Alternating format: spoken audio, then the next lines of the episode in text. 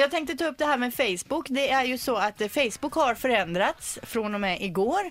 Eh, man kan inte bara trycka på gilla-knappen nu utan nu finns det fem stycken andra liksom känslouttryck som man kan välja. De här uttrycken är då gilla, älska, haha, wow, ledsen och arg. Och då gör man så att man, eh, det står fortfarande bara gilla under inlägget och så tar man muspekaren och för den och ställer den på gilla-knappen utan att trycka. Då dyker de här andra alternativen upp. Förstår ni? Små smileys-ikoner och så vidare. Är du med Fredrik? Du Nej, ser ut som jag att är du helt lost. är i chock. Kolla här nu. Ja.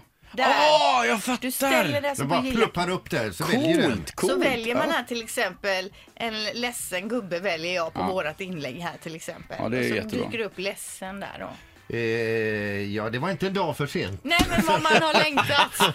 Men jag ska säga det att eh, vi är ju vana, vi har mycket emojis Mm. eh, på, på eh, sms och, och så vidare.